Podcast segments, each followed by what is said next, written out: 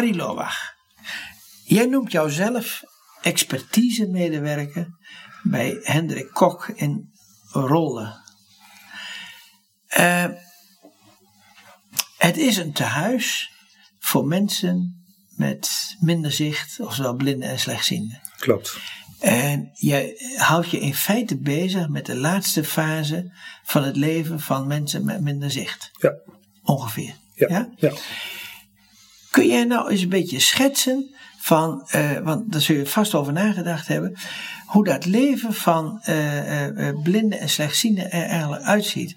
Van, vooral van die mensen die dat al heel lang hebben. Mm -hmm. En hoe die staan ten opzichte van allerhande dingen, een beetje in vergelijking met mensen die zien. Nou, in de eerste plaats moet je je realiseren als iemand dus uh, visuele beperkingen heeft en waarbij het zelfstandig thuiswonen niet meer gaat door allerlei omstandigheden. En dat hij toch uh, kiest om, uh, nou ja, zeg maar, te gaan wonen in een beschermde woonvorm, om het zo maar even te noemen. Dat hij dus in eerste instantie heel veel inlevert op zelfstandigheid. He, dat is de eerste bijkomstigheid en dat is ook vaak de grootste drempel. Je, je moet bij zelfstandig wonen, ja. levert hij heel veel in? Ja, Okay. Kijk, je moet je voorstellen dat iemand die dus uh, nog gewoon zelfstandig woont, zoals jij en ik, wij, wij, wij doen alles natuurlijk zelf en wij regelen alles zelf. Maar als je daar geen regie meer over hebt, ja, dan heb je dus andere mensen om je heen die dus dingen voor jou organiseren en in gang zetten. Van, van, de andere kant, ik ben ook mensen tegengekomen die, uh, die zich uitstekend redden met, met, zelfstandig wonen. Ja, maar die ken ik ook. Maar goed, daar komen natuurlijk uh, voorvallen voorbij waarop je moet denken dat dus het zelfstandig wonen niet meer gaat. Hè? Mensen kiezen daar dan zelf ja, niet meer voor. nou ja, andere bijkomstigheden. Iemand die kan een herseninfarct krijgen of noem maar op. Ja, maar dan heb je, heb je dubbel. Je heb je dubbel, ja. Maar goed, dat, dat, dat, dat gebeurt natuurlijk op, op hogere leeftijd. heb je natuurlijk meer risico om wat te krijgen dan op jongere leeftijd.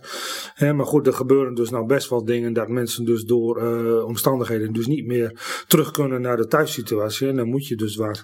Maar, maar dus de mensen die in Hendrik Kok wonen, hebben over het algemeen niet alleen maar slechtziend of blind, maar nee, ze hebben ook toenemende mate door de jaren heen merk je. En toen ik 35 jaar geleden bij Hendrik Kok uh, kwam werken, toen merkte ik gewoon van, nou ja, de, de grootste categorie qua leeftijd was 65 plus.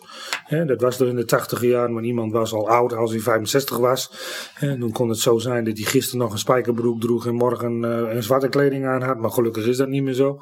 He, maar door de jaren heen merk je dus dat de zorg complexer wordt, maar de zorgvraag ook. Dus de, dat dit is gewoon uh, merkbaar. En als ik dan even kijk naar dat ik mensen dus uh, leer zelfstandig de weg te vinden. Dat ik dus in, in die jaren heel veel bewoners de weg leren te vinden in het dorp. En als ik dus nu kijk hoeveel dat er nu is, ik kan ze nu op één hand nog tellen.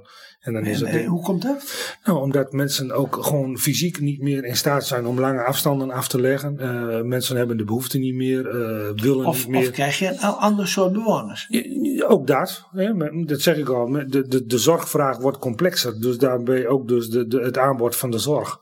Dus dat is allemaal anders. Kijk, mensen die. Nee, maar we hebben toch nu een. een, een kijk, vanuit de jaren 70, 80 hadden we bejaardenhuizen. Ja. Iedereen die 75 ging naar het ja, bejaardenhuis. En, en dan had je. Uh, uh, uh, dus iedereen die woonde eigenlijk in, in een bepaalde vorm. Ja. Maar dat is nu niet meer zo. Nee. Dat zal ongetwijfeld bij jullie ook zo zijn. Het is bij ons natuurlijk niet anders dan in de rest van het land. Alleen wat je dus merkt, is dat mensen dus gewoon heel veel dingen al in het eerste stadium hebben ingeleverd. Dus mensen komen niet meer fris en fruitig binnen, om maar zo even te noemen, alleen maar vanwege de visuele beperking. Maar er zijn dus ook allerlei andere factoren die meespelen, dat mensen dus niet meer zelfstandig kunnen wonen. En hoe hou je die mensen fit? Nou, die mensen die worden natuurlijk fit gehouden doordat we dus een heel uh, weekprogramma hebben met allerlei activiteiten. En het is natuurlijk in het begin van het programma al even genoemd uh, bewegingsactiviteiten. Nou, daar zijn we binnen Hendrik heel sterk in. Sowieso hebben we drie keer in de week fitness. En uh, daar wordt natuurlijk getraind en geoefend in de, de fitnessruimte daarvoor op allerlei toestellen. we hebben één keer in de week een activiteit kegelen. We hebben een aangepaste kegelbaan. En die hebben we al een aantal jaren. En door de jaren heen is hij wel zes keer, zeven keer verbeterd. En, en, en nou ja, sneller gemaakt. Je moet je voorstellen dat die baan gewoon 10 meter lang is. En hij staat op 60 centimeter hoogte. Zodat mensen die dus in de rolstoel zitten ook gewoon uh, mee kunnen doen. Want we vinden gewoon belangrijk dat iedereen mee kan doen. En niemand kan zeggen van omwille van mijn beperking kan ik dat niet onzin. Iedereen kan meedoen en die beleeft er ook plezier aan. Aan het eind van de kegelbaan staan uh, twee vrijwilligers meestal, die dus soms met gevaar voor eigen leven uh, aan het eind de kegels weer omhoog uh, zetten. Hè? Want we hebben natuurlijk niet de beschikking over een geautomatiseerd systeem, omdat je dus ook met opbergmogelijkheden zit. Maar dan krijg je toch nieuwe bewoners? Ja, maar daar gaat het om. Het gaat om het plezier van, uh, van, de, mede, van, van, de, van de bewoners in dit geval. Maar uh, mensen die vinden het een geweldige activiteit. Maar, maar wat je zegt is namelijk dat, dat, uh, dat die mensen die namelijk in, in, het, in het zorgcentrum wonen, die, daar wordt alles voor gedaan. Zijn er ook mensen die zelf een aantal dingen doen? Die ja, zelf uh, uh, acties ondernemen. Ja, uh, ja. er zijn mensen die zelf dingen organiseren en die zelf de regie hebben en die zelf een, een eigen vrijwilligster hebben waar ze dingen mee doen. Dat komt natuurlijk ook voor. Mm -hmm. maar goed, wij zeggen altijd in Hendrik ook, er moet niks, maar er kan veel. En wat er dus gebeurt, bepaal jij zelf. En, en wat zou nou, wat is nou de reden dat men in specifiek een tehuis gaat voor mensen met minder zicht? Kan dat niet in een ander thuis? Nou, dat zou wel in een ander huis kunnen. Maar mensen die kiezen dan toch voor de aangepaste woonvorm. Met natuurlijk de, de expertise van alle medewerkers. En de aanpassing natuurlijk niet te vergeten van het gebouw. En als ik alleen al even naar de reguliere verzorgingshuizen kijk. En ik, ik zie daar een gemiddelde gang. Hè, die staat vol met rolstoelen en rollators. Dat is bij ons niet aan de orde. Mhm. Maar stel, jij woont op zo'n gang. En jij wilt toch nog even een paar meter lopen. Of de deur uit. En je breekt je nek over een rolstoel.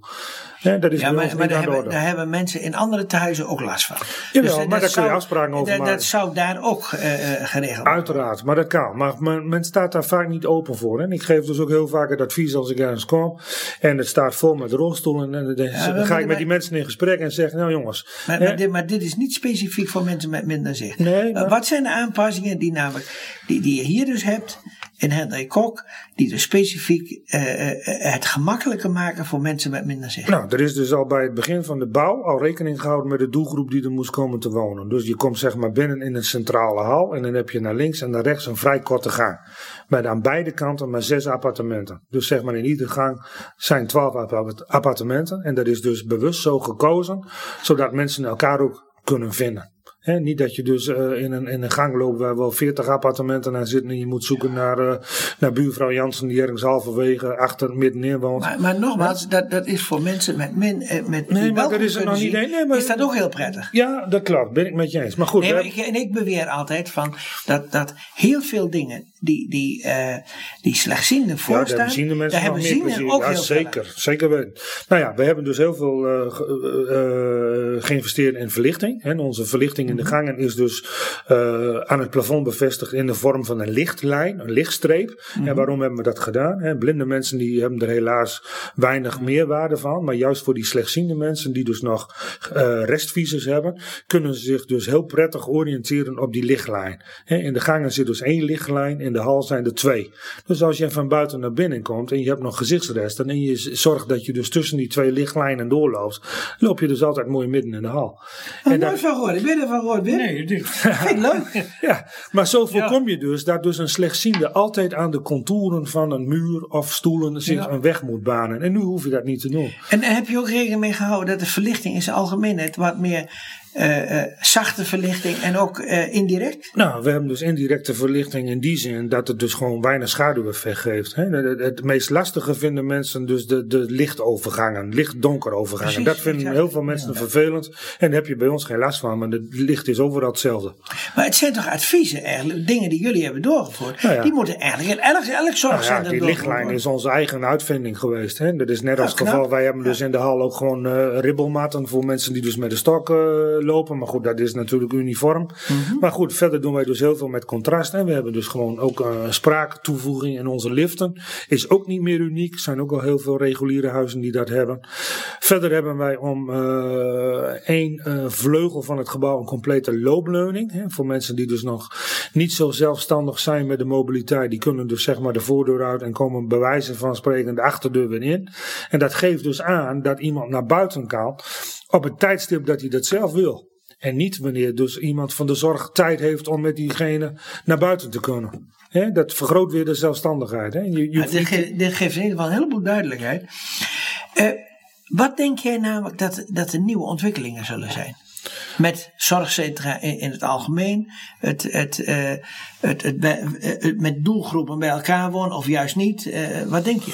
Nou ja, als ik zo kijk wat er in, in, qua techniek allemaal mogelijk is de laatste jaren. Hè, de robotisering neemt natuurlijk toe. Maar goed, dat, dat, dat, dat is natuurlijk nog een beetje ver van mijn bedshow.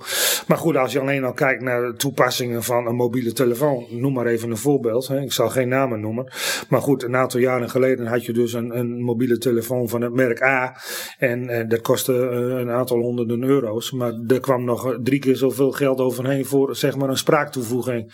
Nou, nu heb je dus een heel bekend merk wat Ja, begint met een i. en dat mag dus, nou, eh, oké, dan, dan noem ik namen. Maar de iPhone, en daar zit dat natuurlijk allemaal standaard in. Dus het, het, het, het blijkt dus dat dus veel dingen veel meer toegankelijker worden. En, en nu kost een iPhone voor iemand die slechtziend is net zoveel als voor een ziende. En dat vind ik gewoon een prettige ontwikkeling. Is ook zo. Ja, Is ook zo. waarom moet een ding altijd. Maar goed, ik weet natuurlijk ook wel wat, de- wat, wat de, de bottleneck is. Want ja, dat soort dingen is natuurlijk geen massaproduct. Maar, maar als je door gaat redeneren, dan zou je eigenlijk die voorzieningen eigenlijk in alle zorgcentra Ja, het zou mooi zijn, maar dan kunnen die mensen. Kijk, en ik, ik heb gewoon te maken wekelijks dat ik dus vragen krijg van mensen die dus eh, op hoge leeftijd zijn. En ouderdom slechtziendheid komt natuurlijk ook eh, voor. Eh, daarnaast toenemende mate mensen met een auditieve beperking. Hè, maar mensen weten daar gewoon niet mee om te gaan. Hè, en dat is dan lastig. En wat zie je dan gebeuren in de praktijk? Dat mensen of die worden helemaal overmatig in de watten gelegd. Dat er van het, hun eigen identiteit en zelfstandigheid niks overblijft. Of mensen die komen in isolement. Ja, precies. Had jij nog een prangende vraag, Wim? Nou, ik, wist je wel heel prangend. eh, dit- vergt natuurlijk voor de begeleiding wel een heel specifieke aanpak. Ja. Ik, ik, heb, ik kom wel eens in eh, dit soort huizen waar mensen een aangepast leven eh, leiden. En dan merk ik toch een verschil tussen de een en andere begeleider of begeleidster. Ja. Dan denk ik, hé, hey, die is ervoor geboren, die voelt precies aan wat er gebeurt. En ik had laatst een ervaring, toen dacht ik, nou, die zitten erbij. Eh, ook, ook Ja, nou, ja maar dat, dat is ook zo. Kijk, bij ons is het zo geregeld, en zeker in Hendrik Kok. Ik kan natuurlijk niet voor alle andere vestigingen praten, maar wij hebben het zo geregeld in Hendrik Kok. Iedereen die bij ons op de werkvloer komt, of dat nou een vrijwilliger is, een stagiair of een vaste medewerker, die krijgt allemaal eerst een cursus. En die cursus duurt een hele middag en dat gaat over praktische vaardigheden, eh, inzicht in de oogaandoeningen van bewoners die wij hebben. Daarnaast nog een stuk zelfstandigheidstraining. eh aan den lijve ondervinden wat het is eh, door middel van simulatiebrillen van hoe een bepaalde handicap aanvoelt. Ja, we moeten maar niet, niet te diep gaan. hier. Nee, maar goed, het is wel belangrijk om daar dus feeling mee Nee, te maar, krijgen. maar wat belangrijk is namelijk dat jullie, en misschien is dat wel het allerbelangrijkste, dat jullie eh, voor een specifieke doelgroep, maar jullie denken erover na hoe je namelijk die groep moet behandelen. En, Ja. ik, en ik denk dat daar nog wel eens wat ontbreekt in Nou uh, vele zorgen. wij vinden het gewoon En, belangrijk. en ik, denk- ik denk dat we daar het interview ook wel mee afsluiten. Dat jullie er goed over nadenken hoe je nou met de mensen omgaat. Ja, ik denk het En- wel. En, bedankt hiervoor. ja, graag gedaan.